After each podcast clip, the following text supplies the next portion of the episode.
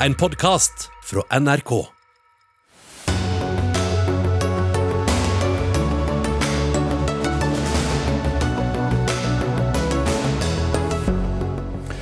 Er um, de eldre mer verdt enn de unge? Spørsmålet stilles av professor som mener nettopp de unge kommer dårligst ut av pandemien, og møter Helsedirektoratet til debatt. Hva koster en fylkesoppsplitting nå om dagen? Ja, et stykke oppsplitting av Viken ligger på rundt 400 millioner kroner. Det er ikke riktig tid for dette nå, sier Høyre, som i sin tid sto for tvangsekteskapet. Regjeringens nye 500 studieplasser for sykepleiere hjelper ikke, ifølge en av dem som står for utdanningen, etterlyser også praksisplasser. Et barn er født i Betlehem, eller på låven sitter nissen i skolen. Den kristne julefortellingen ekskluderer, mener Human-Etisk Forbund. Barna må vite bakgrunnen for eh, julen, sier biskop. Men det ønsker vi velkommen til Dagsnytt 18 eh, denne tirsdagen. Jeg heter Espen Aas. Senere i sendingen skal vi også diskutere en mangfoldsundersøkelse som ikke var så mangfoldig som noen syntes den skulle være. Men uh, først, også i dag, korona. For samtidig som uh, det er klart at dagens koronatiltak i alle fall kommer til å bestå frem til 14.1 neste år, er mange bekymret for konsekvensene av smitteverntiltakene. Ikke bare for økonomien, for mange er også bekymret for de yngste, selv om regjeringen har lovet å skåne dem så godt man kan denne gangen. En av de som er bekymret er deg, Torkil Lyngstad, professor ved Institutt for sosiologi og samfunnsgeografi ved Universitetet i Oslo. I et innlegg i Dagens Næringsliv har du og en seniorforsker i SSB et innlegg med, om smitteverntiltak, hvor overskriften er er eldre virkelig så mye mer verdt enn unge? Er det så stor forskjell? Ja, si det. Det er i hvert fall sånn at i en helsekrise som koronapandemien, så er noen målestokker lett tilgjengelige. Antall dødsfall, smittede og innlagte. Eh, det er ikke like lett å få tak på langsiktige konsekvenser for barn og unge av smitteverntiltak. De er vagere, eh, brede og vanskelige å måle.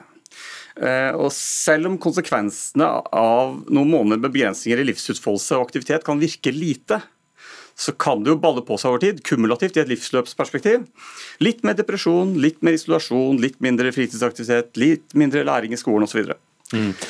Men eh, hvis vi da ser på tiltakene slik de er i dag, så er jo skolene ja, i utgangspunktet åpne. Og så er det en del skoler rundt omkring i landet som har nå valgt å, å, å stenge før eh, jul, hvor undervisningen uansett ikke er på sin, sin, sitt aller hyppigste. Så hva skulle vært gjort annerledes? Um nei, Det kan du si. Eh, det man i hvert fall kunne gjort annerledes, var mer, jeg, ha en høyere bevissthet om tiltak for konsekvenser for barn og unge. Så nå har pandemien vart i snart to år, kanskje vil den vare i to år til. Hele fødselskull passerer gjennom skoletrinn i pandemien. Du går gjennom ungdomsskolen med disse tiltakene.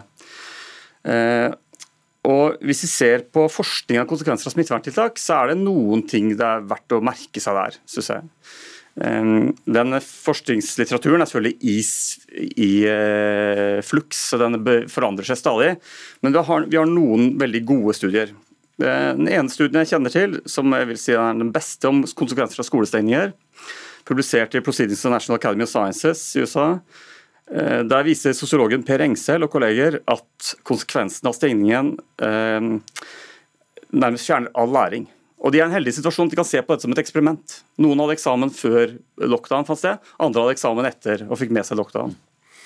Effekten var frapperende. Læringstapet er tilsvarende det å ikke gå på skole i det hele tatt. Mm. Så det er konsekvenser vi egentlig ikke har helt sett ennå, da, eh, slik eh, dere ser det. Espen Nakstad, assisterende helsedirektør. Eh, er de eldre mer tatt hensyn til enn en de unge? For det er først og fremst de, de eldre som blir sykest av, av covid? Jeg tror egentlig det er en stor myte at man gjør alt dette kun av hensyn til noen eldre som ligger på sykehjem og som dør et par år før de ellers ville dødd pga. covid. Det det egentlig dreier seg om, er jo nettopp hensynet til barn og hele samfunnet vårt. At det skal fungere best mulig i en pandemi. Og Da må vi heve blikket litt og så må vi se hvordan har dette gått i land som ikke har tiltak for å begrense smitten. Hvor mye skolegang har barn fått i USA det siste året? I eh, middelhavsregionen i Europa? Eh, når man ser på det, så vil man se at norske skoler har faktisk vært kanskje mest åpne i hele Europa. Men så lenge noen har hatt det eldre, så har Ja, men- våre barn hatt det bedre. Og så, er- så kan du si at Alternativet da, til ikke å ha smittebegrensende tiltak, i hele tatt, hva er det? Jo, det er langvarige nedstengninger. Og langvarig nedstengning av skoler. Og Det har store konsekvenser for barn. Så Det er det som er alternativet. Og Når vi diskuterer dette, her, så er det stadig folk som skriver kronikker og later som at alternativet er at alt går fint. Men alternativet til å ikke ha kontroll på smitten er å miste kontrollen, og det får veldig store konsekvenser for hele samfunnet. Ja, Lyngstad, i, I kronikken eh, deres så peker dere jo på at uh, det, hand, det handler jo uh, om, om liv og død, men hva, hva er den store forskjellen? Dere viser jo til og med at, uh, at færre mistet livet eller døde da i, i fjor, som det var nedstengning mesteparten av året under et normalår. Setter vi liv opp mot hverandre her? Så jeg er ikke uenig i det Nakstad sier nå. Eh, Det, vi, det som er vårt hovedpoeng, det er å reise oppmerksomheten mot at konsekvensene for barn og unge kan være større enn de vi ser, som her og nå. Og eh, Da er det sånn at det kan være sykdom og død i enden av den eh, tunnelen også. Og Der, der må vi kanskje være mer villige til å veie, veie grupper opp mot hverandre, tenke mer på dette. Og dette er jo også en, et, en situasjon som understreker et generelt utviklingstrekk i samfunnet vårt, nemlig aldringen av befolkningen. Antallet eldre øker, og det kommer til å eh, legge føringer i noen grad på hvordan helsevesenet fungerer, og, eh, og vil kanskje ha betydning for hvordan vi skal løse fremtidige helsekriser. Men vi- det eh, vi sier du, eller dere da, litt sånn indirekte at vi, vi må tåle å ofre noen eldre? Noen vil sikkert lese kronikken vår som at vi skriver at bestemor må dø for barna. Det er ikke det vi mener. Nei, men det er vel ikke det som er poenget. Men, men når man leser den, så er det lett å få det inntrykket at eh, vi, vi må tåle å ofre noen flere eldre i den situasjonen vi er inne i, uten å trekke frem enkeltbestemødre av den grunn. Vårt hovedpoeng er at vi kan gjøre mer for å unngå konsekvenser blant de aller yngste. og eh, det tror jeg de aller fleste er også enig i. Men det er jo en vekt her også et eller annet sted, eh, Nakstad. Altså hensynet til eh, noen grupper målt om på noen andre. Det er klart, eh, Du har et poeng at eh, Europa er et kontinent med en eldre befolkning, og det preger jo hele håndteringen i Europa. Og Det gjør faktisk at Europa har kommet dårligere ut av denne pandemien hittil enn f.eks. det afrikanske kontinent, som har en veldig ung befolkning. Eh, Så det er noen momenter som er verdt å tenke på. og Samtidig så er jo barn og ungdoms tilstand ganske kort kartlagt hittil i pandemien. Vi hadde Ungdataundersøkelsen i fjor som var veldig interessant, og som ikke var udelt negativ heller. Og, og dette har jo vært fulgt med argusøyne gjennom hele pandemien. Men så er det også sånn at det ser vi på den perioden i pandemien hvor vi har hatt eh, minst tiltak for barn, og hvor alle skoler har vært åpne uten smitteverntiltak i det hele tatt, så har det også vært den perioden med færrest på sykehjem og færrest på sykehus. Så dette henger sammen. Det er sånn at Når smitten stiger og konsekvensene er store for de eldste, så er den også stor for de yngste. Og Det viser bare at eh, alle tjener på å ha god kontroll. Og Mister vi kontrollen med å stenge ned hele samfunnet, så rammer det veldig hardt, og ikke minst de yngste. Da er vi helt enige. Men eh, vi går jo da inn i et eh, andre delen av et eh, klasse- eller skoleår nå over jul, hvor utgangspunktet er at barn skal være på skolen, om enn med gult nivå, og de tiltakene som, som det medfører.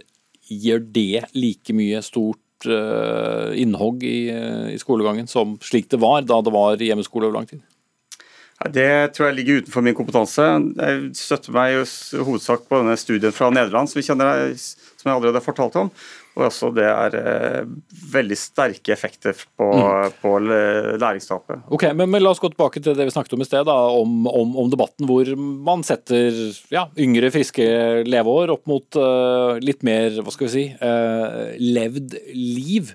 Er det da en debatt som må komme i kjølvannet av denne pandemien, hvis den noensinne har tenkt å la seg runde av? Jeg tror at den generelle aldringen av befolkningen aktualiserer sånne spørsmål. Det betyr ikke at den, eh, føres, den debatten trenger å føres med en sånn, så stor grad av kynisme som noen kanskje har lyst til. Eh, Men eh, det er helt klart at vi er nødt til å ta inn over oss at aldringen av befolkningen har konsekvenser for hvordan, hvordan vi må organisere samfunnet også. Og en best mulig ungdom gir vel også i det lange løp en bedre alderdom, også for de som, som er der? Absolutt, alt dette henger selvsagt sammen. Og så kan du si at eh, denne pandemien har jo gått utover mange eldre også. Altså Er det en gruppe som har vært mye ensomme i denne pandemien, i tillegg til kanskje studenter, så er det jo de aller eldste som har isolert seg i veldig stor grad. Eh, Og når vi ser på helsetilbudet eh, som vi har blitt vant til, som holder en høy standard i Vesten, så er det klart at eh, i land som Sverige f.eks., som jo har eh, måttet tredoble intensivkapasiteten sin for å behandle covid-pasienter. Det har gått utover veldig mange eldre som har ventet på operasjoner som har vært planlagt lenge. Så dette får jo et helsetap eh, for, eh, og et prognostisk tap for mange eldre også. Eh, men det er klart, til grunn for denne debatten så ligger også en litt sånn ressursdiskusjon for framtiden, og hva det koster å ha et moderne helsevesen med en eldrende, aldrende befolkning. Det er jeg helt enig i, men det er en debatt som kanskje må tas etter pandemien, men som selvsagt er relevant ennå. Men kunne man da isolert også eldre utsatte grupper mer enn vi har gjort i Norge? Det har man jo gjort i, i, i andre land. Ja, Om vi kunne isolert dem mer, sier du? Ja, For, ja, for å holde å, samfunnet mer, mer, åpent? Ja, Det viser seg veldig vanskelig, da, fordi de aller mest utsatte, eh, som ikke tåler den smitten særlig godt, de er jo helt avhengig av hjemmesykepleie f.eks. og helsetjenester. Og de som yter de tjenestene, de er unge mennesker som er midt i smitteepisenteret ofte. Og så Det har jo vist seg veldig vanskelig, selv med smitteverntiltak og selv med vaksiner. Dessverre. Mm. Så det egentlige regnskapet det, det, får vi ikke gjort opp nå? Nei, det blir vanskelig. Jeg, jeg, tror nok at uh, i flere år etter denne pandemien så vil vi analysere dette alle sammen. Og så vil vi se på hvilke konsekvenser fikk det for ulike aldersgrupper og for samfunnet. Uh, og at det har fått store konsekvenser for mange, det er det i hvert fall ingen tvil om. Det er det ingen tvil om. Takk skal dere ha, Espen Nakstad, assisterende helsedirektør, og Torkil Lyngstad, professor ved Universitetet i Oslo.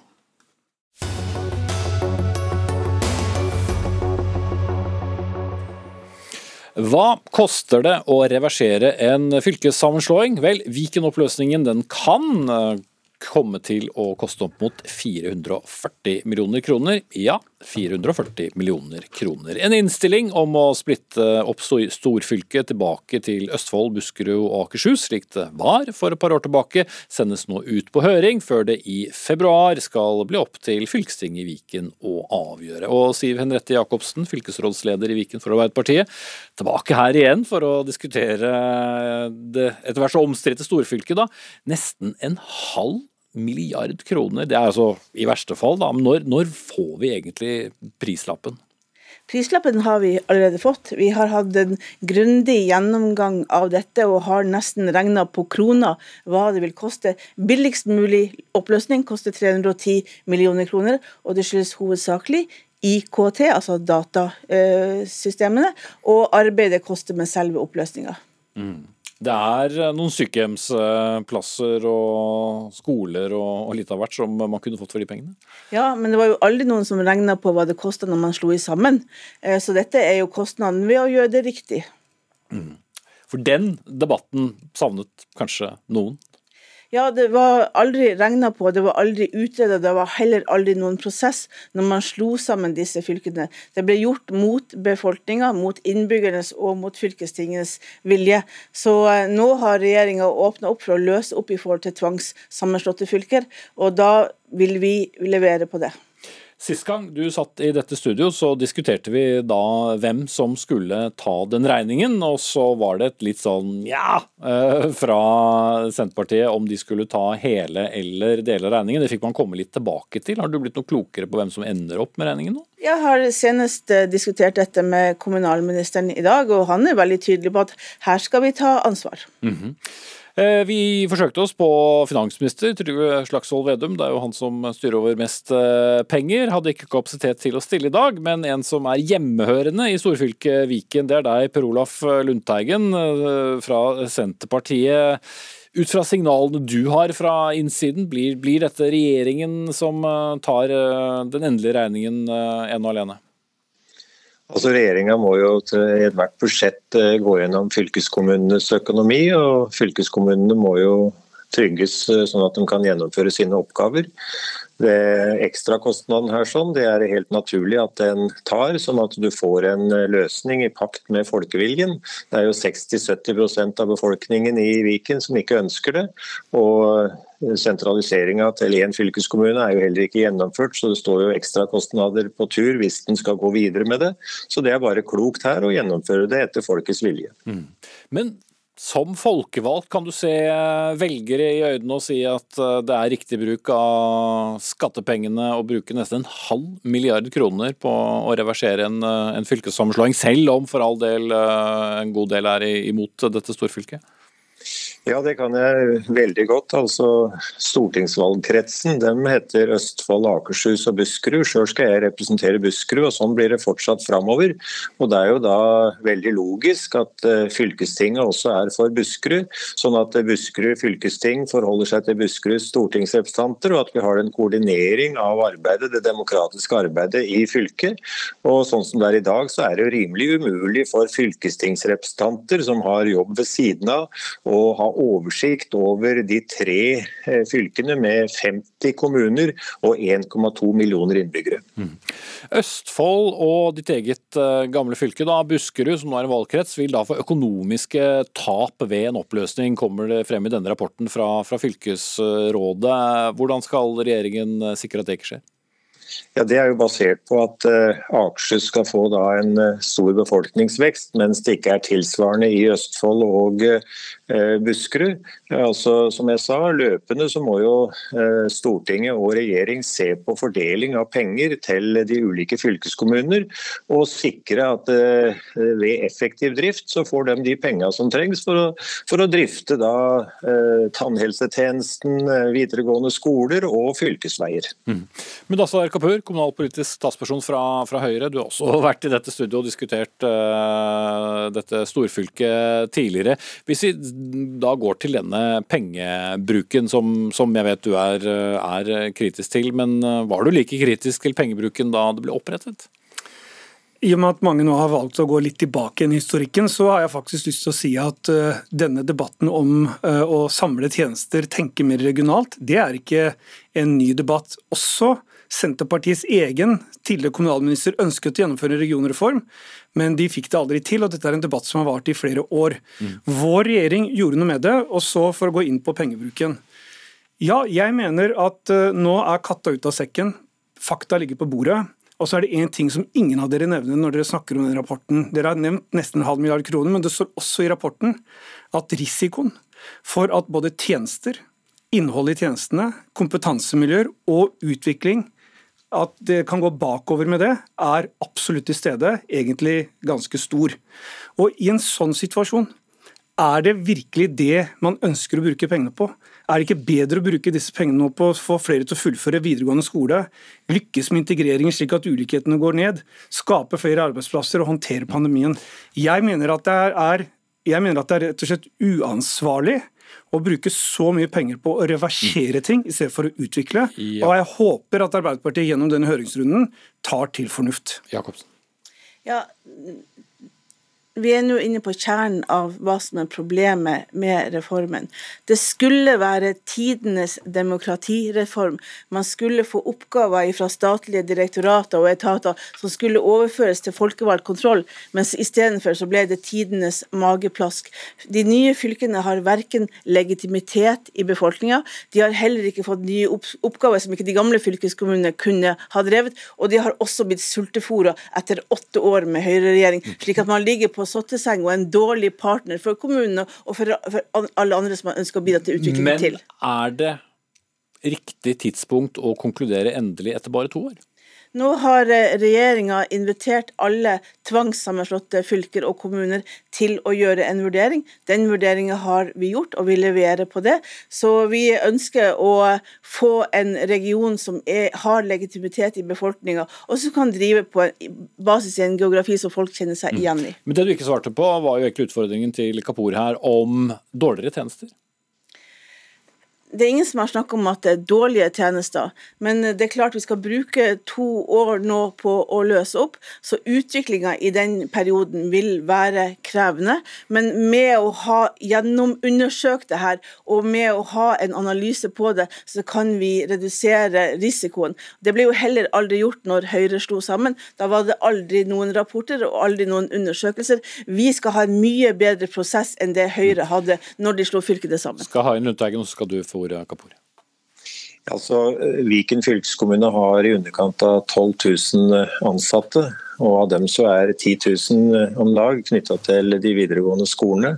Og når Kapoor sier at det her er risiko for at du får et forfall, så er jo det å sette saken helt på huet. Vi har jo erfaring for at når det er mer oversiktlige forhold, og at fylkestingets medlemmer har mulighet til å besøke skolene, ha oversikt over hva som faktisk skjer på skolene, og at du har kortere beslutningslinjer, så får du mer effektiv drift. Så det er om å gjøre å få skrota Viken så fort som mulig, for det påfører folk og, og tjenester ekstra kostnader. Sånn at eh, vi må få en effektiv organisasjon. Og Her eh, har vi da en eh, stortingsvalgkretser som vi skal ha tilsvarende for fylkesvalgkretsene. Og Det er også naturlig at statsforvalteren da blir for Buskerud, Akershus og Østfold, sånn at vi får litt orden i sysakene. Ok, Men 336 millioner for å opprette storfylket, kanskje 440 millioner for å splitte det opp igjen? Det er jo penger, da? Ja, det er penger, og jeg mener faktisk at de eh, kostnadene som vi nå har på bordet, kombinert med, med alternativkosten til å drive med avvikling og reversering i stedet for å utvikle tjenester, er også til stede, men vi vet ikke hva det kommer til å koste. Og så er det faktisk litt sånn i ærlighetens navn er, nå, skal, nå, skal, ikke jeg plage programlederen med å lese opp hele listen, Nei, for, da men, for da vet jeg at du kommer til å stoppe meg. Men det, det har blitt overført en rekke oppgaver. Og så vet også min motdebattant like godt som meg at veldig mye av virketiden til Viken har vært under pandemien. Men nå har jo tallene kommet. Arbeiderpartiet og Senterpartiet har drevet en populistisk valgkamp hvor man har drevet med skremselspropaganda og skremselsbilder. Men nå kommer tallene på bordet, og nå tror jeg også befolkningen kommer til å se at den reverseringen dere snakker om, kommer til å ende opp med å koste dem innholdet i gode tjenester og mange bortkastede år. Så vil jo jeg si ja, jeg ta, ta, ta, det først, det er mye enklere med en progressiv gangen. Jacobsen. Ja, altså Det er jo helt grunnleggende at skal man ha et Det står i rapporten og det ja. står i din egen innstilling hva som kommer til å skje med tjenestene. Kan du være så snill forholde deg til det? Skal man ha et folkestyre, så må man høre på folket. Og det gjør vi nå.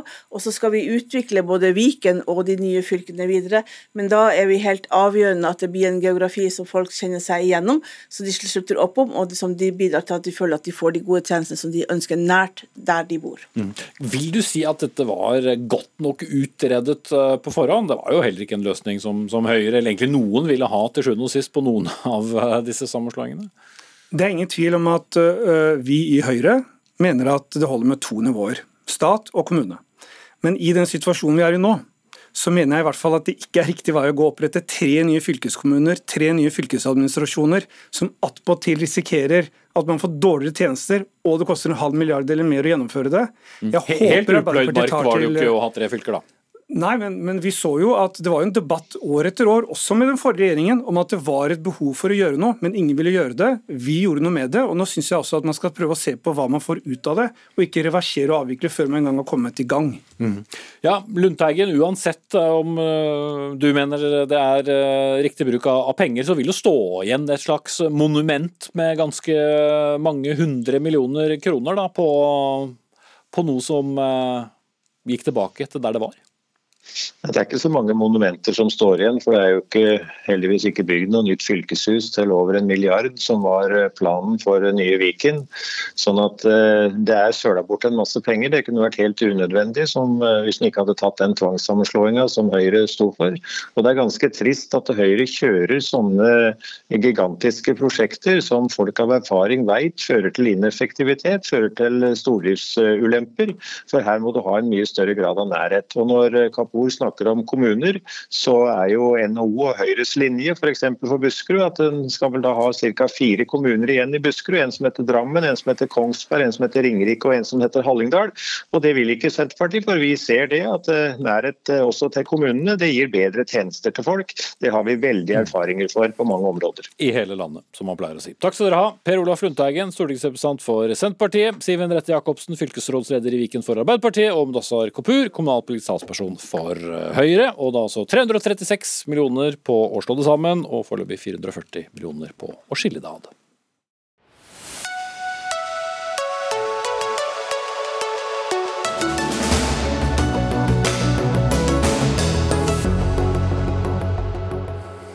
Klokken den eh, er uh, seks minutter på halv sju. Den senere i sendingen skal vi diskutere en ny undersøkelse fra Kulturrådet om mangfold, som skaper strid. Og hva som er stridens eh, kjerne, får du vite mot slutten av sendingen.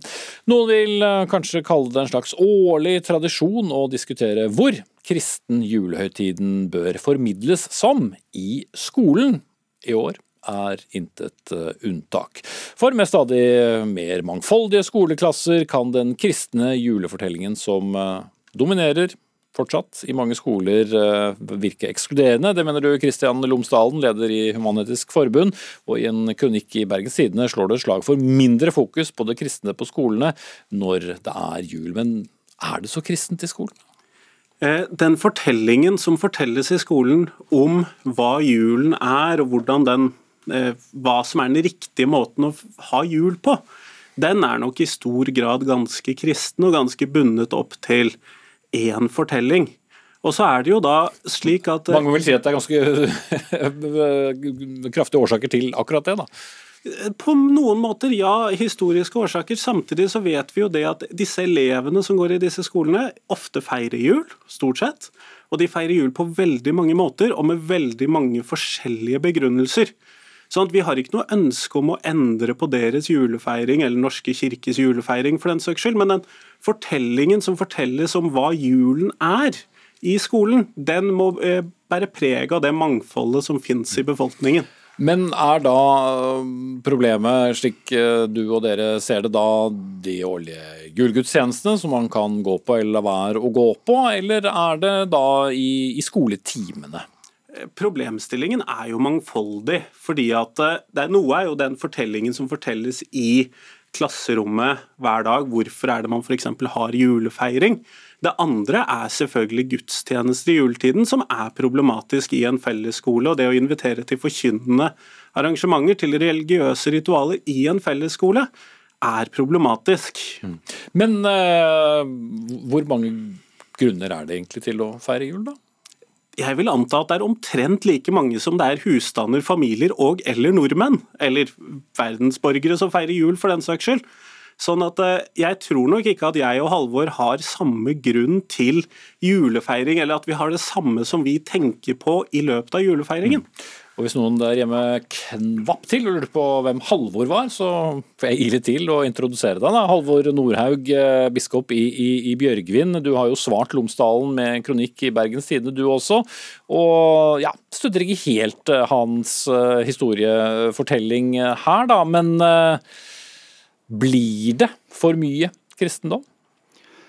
Ja, Det er en uh, god tradisjon at Kristian og jeg diskuterer uh, innholdet i julefeiringen i Bergens Tidende, også, også, i år. Og Kristian har jo helt rett i et uh, viktig anliggende, nemlig å understreke at Norge har et livssynsmangfold, og folk tror ulike ting og feirer jul på ulike måter. Men det må jo ikke bli slik, sånn som Kristian skriver eh, i BT, at julen er et skattkammer av tradisjoner og viktige elementer fra vår mangfoldige kulturarv, som henter elementer fra kristen tradisjon, men også fra andre kulturer. Som om kristendommen liksom var bare ett av en rekke andre elementer som utgjorde innholdet i julefeiringen. Alle religioner og livssyn har jo ikke like mye engasjement i julefeiringen som det kristendommen har, for å nå si det ganske varsomt. Og kristen, kristendommen har jo feiret jul helt siden 300-tallet, og det er jo en historisk tradisjon som elevene må lære om. Og den må være hovedfokus i skolens markering av jul, tenker jeg da. Så det må ikke bli for mange fjøsnisser og andre mer hedenske tradisjoner eh, inn i dette? Jeg er litt overrasket over Humanitisk Forbunds engasjement for nissen. Men jeg har jo ikke noe imot det, selvfølgelig. Men fjøsnissen er jo, ingen, eh, er jo ikke del av et, av et, livssyn som lever i dag. Men den, den, kristne tro lever i dag. Den er jo til og med nedskrevet i Grunnloven. Og det står jo at Den Norske kirke er Norges folkekirke. og Derfor er det jo også naturlig, tenker jeg, at vi har et hovedfokus på kristendommen i undervisningen rundt jul men også kan inkludere andre tradisjoner, og at vi feirer skolegudstjeneste. Jeg tenker Det er en, en, god ting, så lenge det blir et likeverdig alternativ for de som ikke går i kirken. Jeg Jeg syns jo det er litt underlig at uh, biskop Nordhaug ønsker seg bort ifra en inkluderende jul for fellesskapet i norsk skole. Og så er det jo ikke sånn at det er én grunn til at nordmenn feirer jul. og Vi ser jo det, både DNB og Oslo OsloMet har undersøkt. Hva er det folk opplever som det viktigste i sin julefeiring? Og Jesus, eh, juleevangeliet, kristen tro osv. kommer ganske langt ned på den listen, med mellom en sjettedel og en femtedel av befolkningen som har det som det viktigste. Sånn at eh, jeg sliter litt med at dette skal være en ensbetydende ting. Og så vet vi også det at veldig mange skoler ikke får til helt dette med dette likeverdige opplegget og sørger for god informasjon om dette. Og jeg er jo også litt forundret over at Den norske kirke tar så lett på dette, når vi vet det at Mest sannsynlig så vil ikke denne ordningen kunne overleve fremover hvis ikke Den norske kirke er med på å sørge for at det blir laget gode og likeverdige opplegg gjennom at de setter krav til skolene når de først skal invitere dem med på gudstjenester. Men, men hva er da din visjon av et likeverdig opplegg rundt julefeiringen? Det som, for det skal jo da være omtrentlig like godt som jeg antar at Halvor Nordhaug opplever en gudstjeneste som. Og da må det jo være noe kulturelt. Man må gå ut av skolen, klare oss å skape en hyggelig og verdig og god ramme rundt det. Og Dette kan jo f.eks. være, som jeg selv foreslår i denne eh, kronikken, at man f.eks. besøker en gård, lærer om fjøsnisser, lærer om andre slike tradisjoner. Man kan ha en lysfest, tenne lys, fortelle dikt. Synge noen sanger er jo fullt mulig også inn i dette, sånn at her er det et ganske stort potensial. Mm. Det er kanskje flere som tror på, på Jesus og Gud enn på fjøsnissen? Det antar jeg også, men da er det jo ikke antallet mennesker som tror på disse tingene, som sier noe om hvilken plass de har i tradisjonene. Mm. Norhaug? Nei, men Kristian og jeg er enige om mye her, bl.a. at det skal være et godt og likeverdig tilbud for de elevene som ikke går eh, på skolegudstjenester. og Det er jo også vi interessert i fra Kirkens side. og Det, er, det tror jeg også er nødvendig for at skolegudstjenestene skal bestå som ordning. Og så syns jeg nok at vi må ikke bruke ordet 'inkludere' på den måten at det å undervise om en bestemt tro, nemlig kristendommen, nødvendigvis er ekskluderende. Det er nå engang denne tradisjonen vi har. Alle i Norge er ikke kristne, men vi må jo lære å leve sammen i Norge som et kristent land, men i, i mangfold, sånn som de også er i dag. Lomsdal. Ja, altså, Jeg har jo ikke tatt til orde for at man ikke skal lære om den kristne begrunnelsen for julen. Jeg har bare sagt at den må få en rettmessig plass blant mange tradisjonelle utgangspunkt for julen, og for den praksisen knyttet til julefeiringen som vi ser i dag.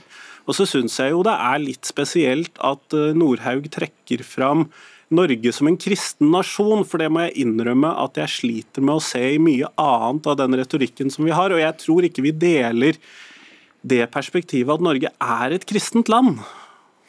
Og kirke og stat har jo også skilt eh, lag her i Norge. Ja da, ja da, det er jo helt riktig. Men um, Norge er et land som på helt avgjørende vis er formet av kristen tro, kristen tro og tradisjon gjennom mange hundre år. Det går ikke an å destillere vekk kristendommen av norsk historie og så sitte igjen med det vi har i dag, bl.a. av felles verdigrunnlag. Mm.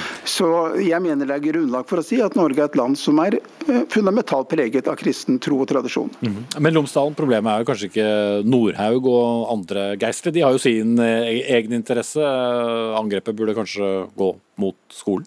Ja, nei, Min opprinnelige tekst var da også knyttet opp til skolen, sånn at dere kunne jo gjerne ha invitert noen fra Utdanningsdirektoratet f.eks.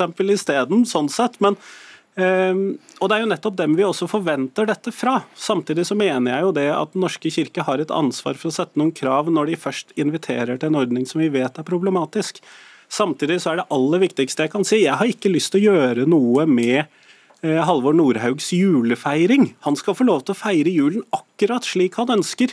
Både hjemme og i kirken og i eh, offentlig rom skal han få lov til å gjøre den markeringen han ønsker å mm. gjøre for julen. Og ingen har vel sagt noe annet heller, men uh, vi holdt nå på denne juletradisjonen også i år, da. Så får vi se om uh, det blir andre deltakere neste år. Takk til Kristian Lomsdalen, leder i Human-Etisk Forbund, og Halvor Nordhaug, biskop i Bjørgvin.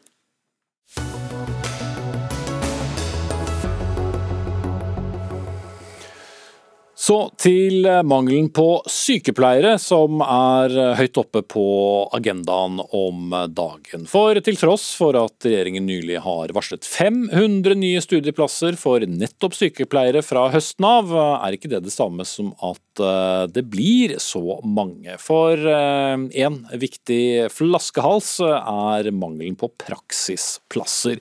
Nina Elisabeth Blegen, du er instituttleder ved Institutt for sykepleier og helsevitenskap ved universitetet i Sørøst-Norge. Du har skrevet om dette i Aftenposten.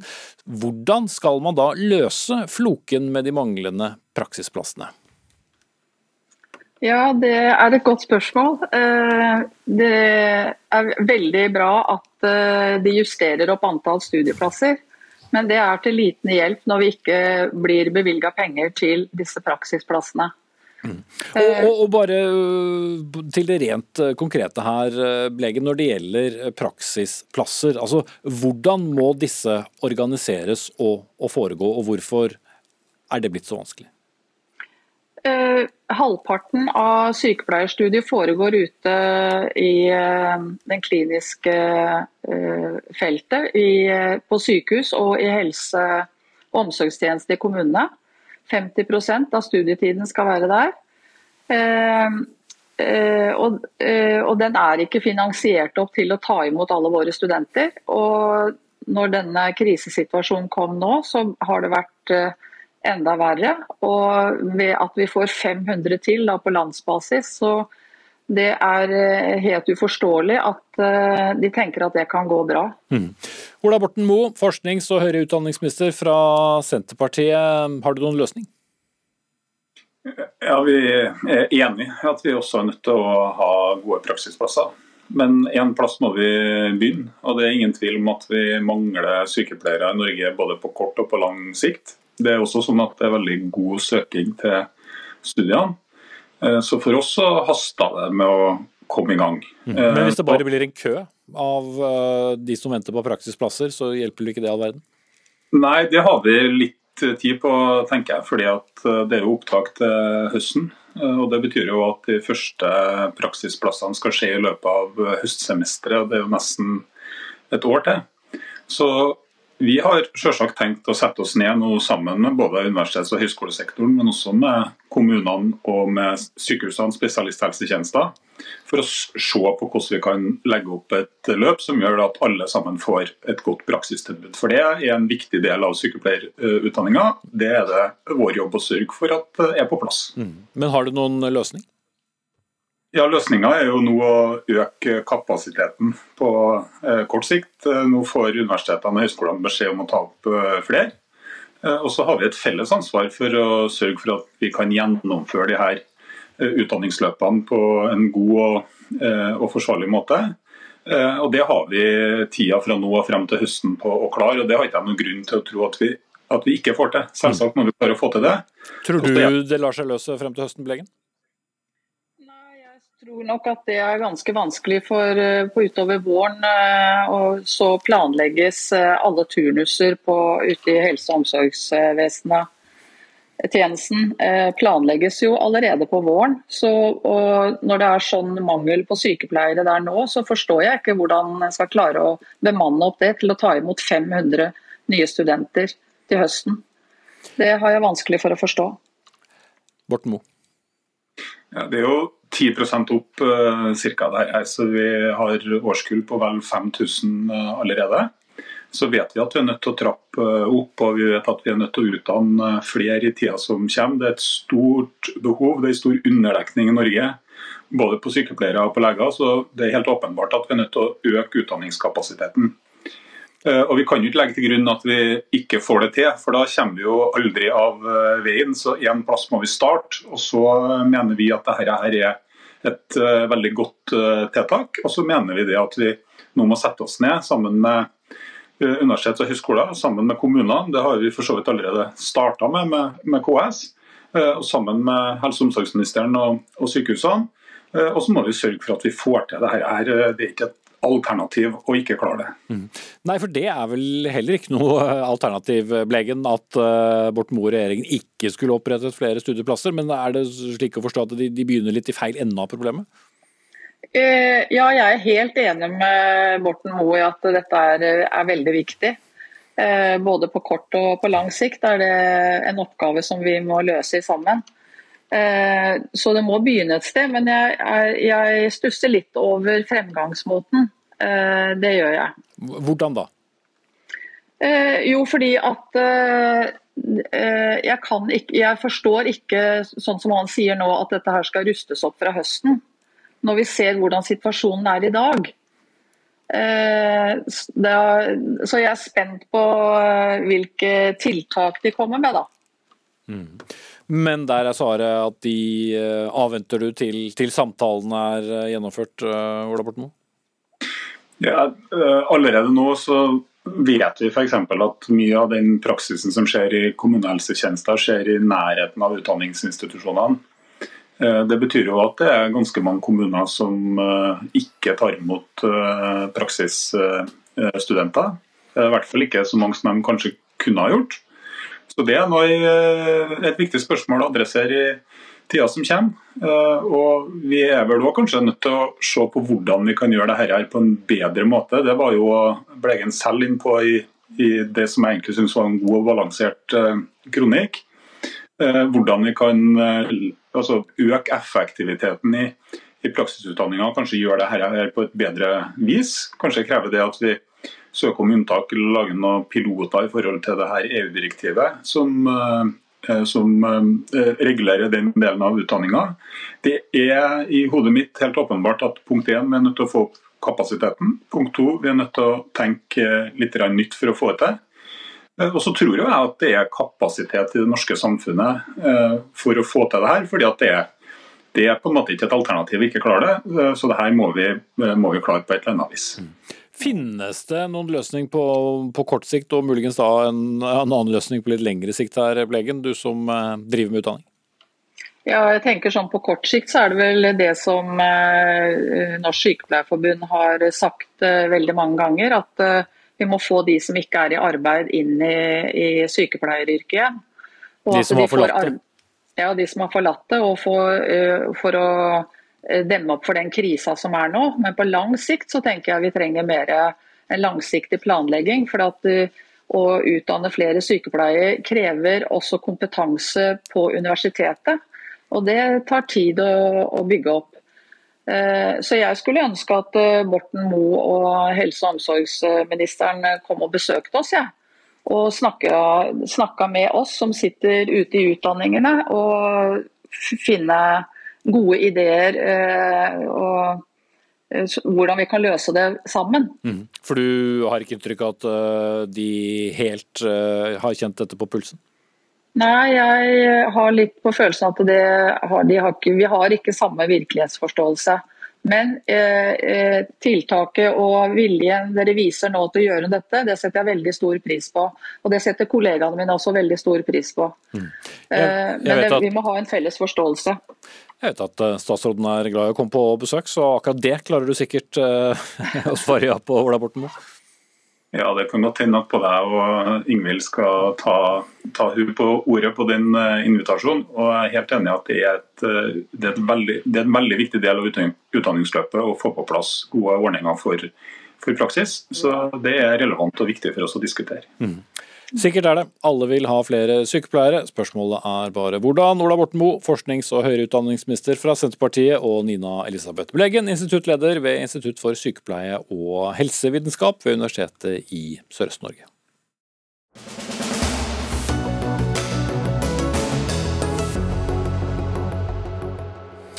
Flere vanskelige problemstillinger blir det nå, for vi skal til ordningen med brukerstyrt personlig assistanse, eller BPA. En ordning som er ment å sikre folk med funksjonsnedsettelser muligheten til å leve fullverdig liv, som det heter seg. For nylig så leverte det som fikk navnet BPA-utvalget sin rapport til helse- og omsorgsministeren om hvordan denne ordningen nå bør organiseres videre.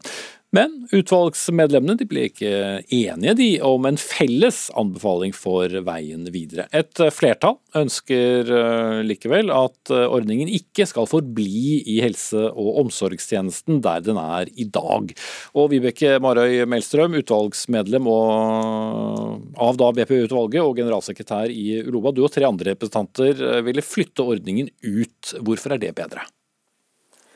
Ja, Først og fremst er det viktig å si at funksjonshemmede i dag er jo Norges største diskriminerte minoritet. Og veldig mye av det som har hindra oss i likestillingskampen, det er jo nettopp synet på oss som syke og hjelpetrengende. Så da vi den gangen utviklet BPA som et verktøy for nettopp myndiggjøring, selvbestemmelse og likestilling, så var det viktig at vi eh, selv skulle kunne ta ansvar for hvem som skulle assistere oss til hva, hvordan og når. Og det er klart at Når dette her blir liggende i helselovgivningen, sånn som den er i dag, så mister vi den retten til selvbestemmelse, og vi tas fra ansvaret i våre egne liv. Eh, og Det syns vi er problematisk, og vi trenger ikke en ordning som organiseres gjennom helselovgivningen, men vi trenger et likestillingsverktøy, sånn at vi kan delta i samfunnet som alle andre kan. Så det blir en form for diskriminering bare at det er en, en, en del av denne lovgivningen? Ja, det opprettholder jo synet på oss som eh, hjelpetrengende og syke. Eh, vi kommer ikke ut av dette hva skal vi kalle det, helseparadigmet hvis man ikke får løftet BPA-ordningen ut av helselovgivningen. Eh, vi ønsker det som funksjonshemmede å delta i samfunnet og ta ansvar i eget liv. Stifte familie, ta en utdannelse, være i jobb. Og det er klart at Hvis vårt likestillingsverktøy blir begrensa innenfor helselovgivningen, så har du ikke den muligheten til å kunne delta i samfunnet. Mm. Vi eh, haster videre til en annen del av utvalget. Marianne Skattum, du er eh, leder eh, av dette. Alle de som ville ta den ut, tilhører da brukerorganisasjoner. Men hvorfor er det ikke en god idé å flytte det ut? Det er fordeler og ulemper, selvfølgelig med alle de mulige løsningene for lovregulering og plassering. Eh, som Vibeke peker på, så vil det å ta det ut kunne ha fordeler fordi det tydeliggjør det her med likestillingsverktøy mm. Eh, mer enn om det ligger i helse- og omsorgstjenestelovgivningen, sånn som i dag. Men siden det ikke får flertall, så har du kanskje en annen mening? Ja, jeg har en annen mening. Jeg mener at det uh, bør fortsette å ligge innafor dagens helse- og omsorgstjenestelovgivning. Det har det gjort siden det ble vedtatt i 2000. Eh, som en egen ordning for å sikre personlig assistanse til praktiske gjøremål i dagliglivet. Mm. Men fordelen er hva da? Eh, vi har eh, flere fordeler. Det ene er at man kan få sett denne typen tjeneste, personlig assistanse, i sammenheng med helsetjenester fra kommunene. Ca. 40% av de som har BPA i dag, har også samtidig helsetjenester. Så det å få koordinert og samorganisert eh, de tjenestene på en god måte og få et helhetlig tilbud til mange, det er kjempeviktig. Mm. Men da blir det mer opp til andre enn brukerne selv da, til å, å bestemme? Det kommer an på hvordan man utformer reglene innholdsmessig. Plassering av regler er én ting, men hva reglene inneholder, det er en helt annen ting. Og der har vi vært eh, enige om, eh, både med brukerorganisasjonene og eh, andre, at det å sikre tydeliggjøring av krav til den som skal være leder, ansvaret den enkelte har, ansvaret kommunen har, og dersom det brukes private leverandører, også ansvaret de har som tjenesteytere. Det er jo utredet da, Melstrøm, og så ble ikke konklusjonen helt slik som du og noen til ønsket? Nei, eh, konklusjonen ble jo ikke det. Og det som er litt underlig her, er jo at eh, det er altså et mindretall i utvalget eh, som fremstilles som et flertall. Eh, det som fremstilles som utvalgets helhetlige forslag, eh, er det altså et mindretall bak. Og Det er viktig å si at flertallet i utvalget ønsker egentlig denne ordningen over i staten. Det er staten som er ansvarlig i forhold til likestillingsordningen i dag, og det er ikke noe problem å legge denne BPA-ordningen også til eh, staten. Mm. Og det, det, er klart at Vi har med oss mange funksjonshemmede, mange mange års erfaring. Og det at den ligger i helselovgivningen i dag, har ført til masse konflikter som vi er kjent med alle sammen. Eh, både politikere og funksjonshemmede selv, og kommunene selv, ikke minst, ser at dette ikke fungerer. Dette er jo bakgrunnen for at regjeringen satte ned det utvalget, nettopp for å se på hva kan gjøres. Og I mandatet lå det klart et ønske om å få BPA-ordningen utredet, også ut av helselovgivningen. Mm. Ja, Skattum, Mandatet var nettopp det. Eh, jeg siterer, Ordningen skal defineres som et likestillingsverktøy og ikke en helseordning. Følger dere da mandatet når det fortsetter å være en del av helselovgivningen? Ja, Nå er det en del av helse- og omsorgstjenestelovgivningen. og BPA har aldri vært en helsetjeneste, det har vært en omsorgstjeneste helt siden starten. Når det gjelder helse- og omsorgstjenesteloven, så kommer jo den fra to forskjellige lovverk. Sosialtjenesteloven og kommunehelsetjenesteloven. Og eh, det innebærer at det er to tjenestetyper som er regulert i det lovverket. Eh, så når det gjelder det med statlig ansvar, så var jo det mandatet til utvalget var jo eh, nettopp å beholde ordningen som en kommunal ordning.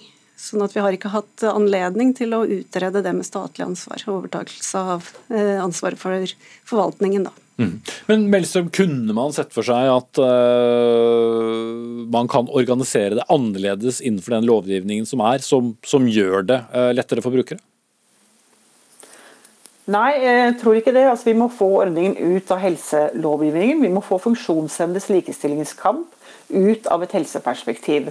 Det er viktig. Og Når Skattum sier at dette er en sammenslåing av omsorgstjenester og helsetjenester, så vil jeg peke på at dette er en ordning som funksjonshemmede selv i sin tid utviklet, et, eh, og utviklet som et likestillingsverktøy. Eh, praktisk assistanse for å kompensere funksjonsnedsettelser man hadde, en mulighet til å delta i samfunnet. Og Det var aldri ment å være noe verken omsorgstjeneste eller helsetjeneste, men rett og slett et verktøy for likestilling som en selv tok ansvaret for. Mm. Så Det er viktig å definere dette her etter hensikten og intensjonen med hva som er formålet med hele ordningen. Mm. Men der står dere altså selv om dere er medlemmer av samme utvalg. Vibeke Marøy Melstrøm, medlem av utvalget, og Marianne Skattum som ledet det hele. Takk skal dere begge ha.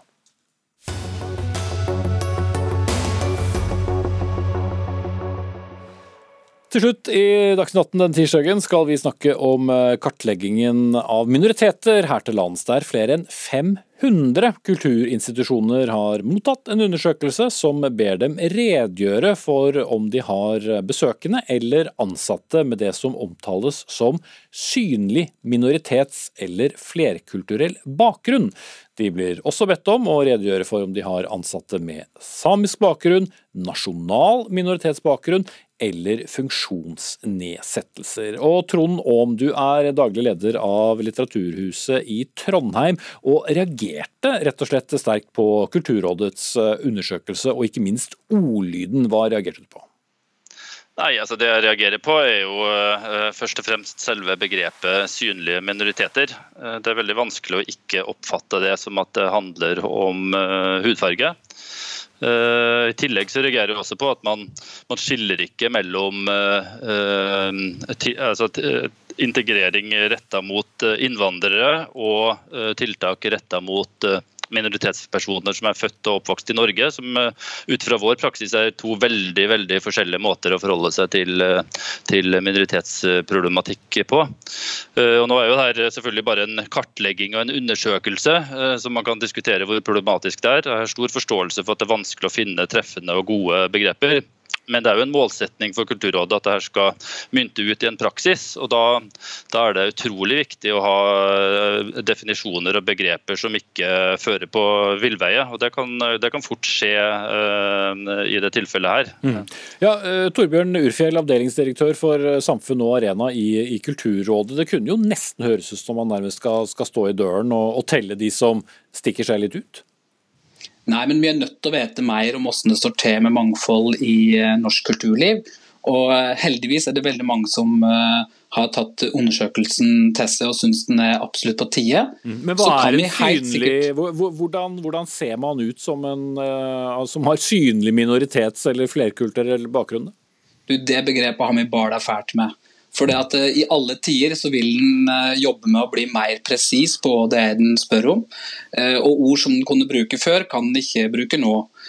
Og Synlig minoritet og person med flerkulturell bakgrunn er det mest presise begrepet som vi har kommet fram til nå. Mm, sammen det? med gode støttespillere. Det betyr personer som skiller seg fra majoritetsbefolkninga. Og det er rett, det kan være hudfarge, men det kan òg være navn, det kan være religionsutøvelse, eller det kan være med en flerkulturell tilhørighet. Så hvis Eh, du er eh, adoptert eh, og har da en annen hudfarge, så skal du da telles som en med minoritetsbakgrunn? Nei, vi ber ikke om at folk teller, men vi ber om at folk er bevisst på hva slags mangfold den klarer å bidra til. Og dette er jo fryktelig vanskelig. Og det aller enkleste ville kanskje være å legge beina på bordet og bare ikke spørre. Men vi må ha fakta på bordet, for vi har fått et nasjonalt oppdrag om å skape mer kunnskap og, og mobilisere til handling. Eh, og nå vet vi ikke helt hvordan ståa er med mangfold i det norske kulturlivet. Og derfor så må vi våge å spørre. Mm. Og da må vi òg våge å trykke noen på tærne, sånn som vi kanskje har gjort eh, i Trondheim. Men får du da helt det resultatet dere er på jakt etter? Ja, Det vet vi jo ikke, men resultatene begynner å strømme inn. og Foreløpig så ser vi jo at vi har fått noen reaksjoner som fra Åm, men vi har fått flere reaksjoner på folk som syns dette er bevisstgjørende. At det òg får eh, institusjoner og andre til å tenke på hva slags mangfoldspraksis de har. For Det viktige for oss nå er jo å finne ut av hvilke målsetninger og hvilke arbeid er det som allerede gjøres innenfor mangfoldsfeltet i norsk kunst og kultur. Trond Aam i Trondheim, eh, kunne dette vært gjort på en bedre måte? Og i så fall hvordan? Altså, jeg har veldig stor forståelse for at det er vanskelig å finne gode begrep. Eh, Det, det har jeg absolutt. Eh, eh, Og vi, altså, Kulturrådet har gjort en veldig veldig god innsats på mangfoldsfeltet i mange år. Det nyter vi selv glede av. Hadde det ikke vært for at vi fikk 400 000 gjennom aspirantordninga for noen år tilbake, så kunne vi ikke ansatt en aspirant som i dag er fast ansatt som leder for et eget inkluderingsprogram vi har. Ja, tilbake til undersøkelsen. Jo, men det, er, det har med undersøkelsen å gjøre. eh, fordi at eh, Et inkluderingsprogram kan også fort bli en hvilepute hvis man bare på en måte har arrangement som er retta mot innvandrere. Men, og, og det som er vel så viktig, er jo på en måte hvordan man har representasjon i, eh, i det ordinære programmet. altså Hvordan tenker vi mangfold i andre sammenhenger, og det vil jo ikke komme fram i den undersøkelsen her. Vi kunne kryssa på ja på, på alle parameterne, selv om vi vet at det er veldig mye rundt uh, mangfold som vi f fortsatt kan jobbe mer med. Og det er vel heller ikke Trond Aam tydeligvis en bevisst mangfoldsleder. Og Det er jo det som er målet vårt, eh, å få til flere av. Og heldigvis er det flere og flere som blir bevisste mangfoldsledere i norsk kunst- og kulturliv. Og så er vårt oppdrag å finne ut av eh, om vi kan eh, gjøre ting på en enda bedre måte. Og så skal vi også mobilisere til handling. Og når vi kommer til februar, så har vi mer oversikt over ståa, og da kan vi diskutere basert på fakta, og ikke på anekdoter eller følelser eller hvordan vi oppfatter at det kanskje kan være. I og med at eh, kulturinstitusjonene også skulle redegjøre for om de hadde ansatte med samisk bakgrunn eller funksjonsnedsettelser, innebærer ikke det også at eh, hver kulturinstitusjon faktisk må gjøre litt mer enn å, å bare se? At man faktisk må, må spørre folk? Ja, det betyr det. Er Er og det det er nærgående. Ja, det er greit. Det er nærgående, men det er greit. Og det handler om å klare å finne ut av hvordan populasjonen, som det heter på, eh, på undersøkelsesspråket, ser ut i, eh, i det norske kunst- og kulturlivet. Er det greit for deg, Trond Aam? Altså, Jeg spurte ikke noen av mine ansatte om de har funksjonsnedsettelser som jeg ikke vet om, nei. Ville du spurt om det? Uh, Nei, jeg oppfatta undersøkelsen som litt samvittighetsbasert, så jeg valgte å tolke det i den mening. Da har du tolka det rett.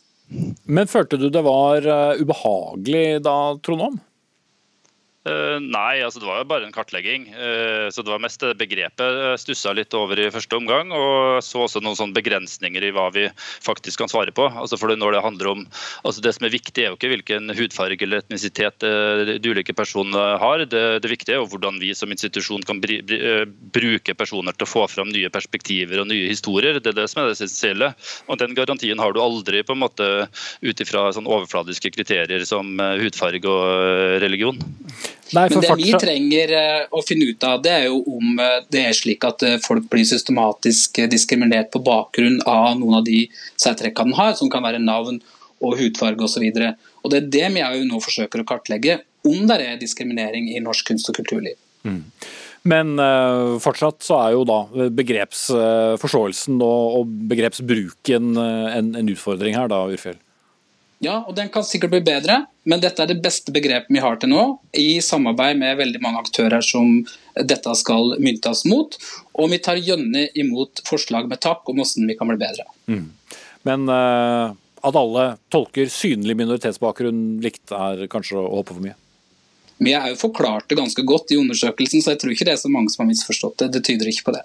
Ok, vi får vente spent på, på resultatene. Takk til, takk til Torbjørn Urfjell, avdelingsdirektør for samfunn og arena i Kulturrådet, og Trond Aam, daglig leder av Litteraturhuset i Trondheim. Dag Dørum var ansvarlig for denne sendingen. Lisbeth Sellereite tok seg av det tekniske. Jeg heter Espen Aas, og i morgen er Sigrid Solund tilbake med ny og fersk sending. Takk for nå.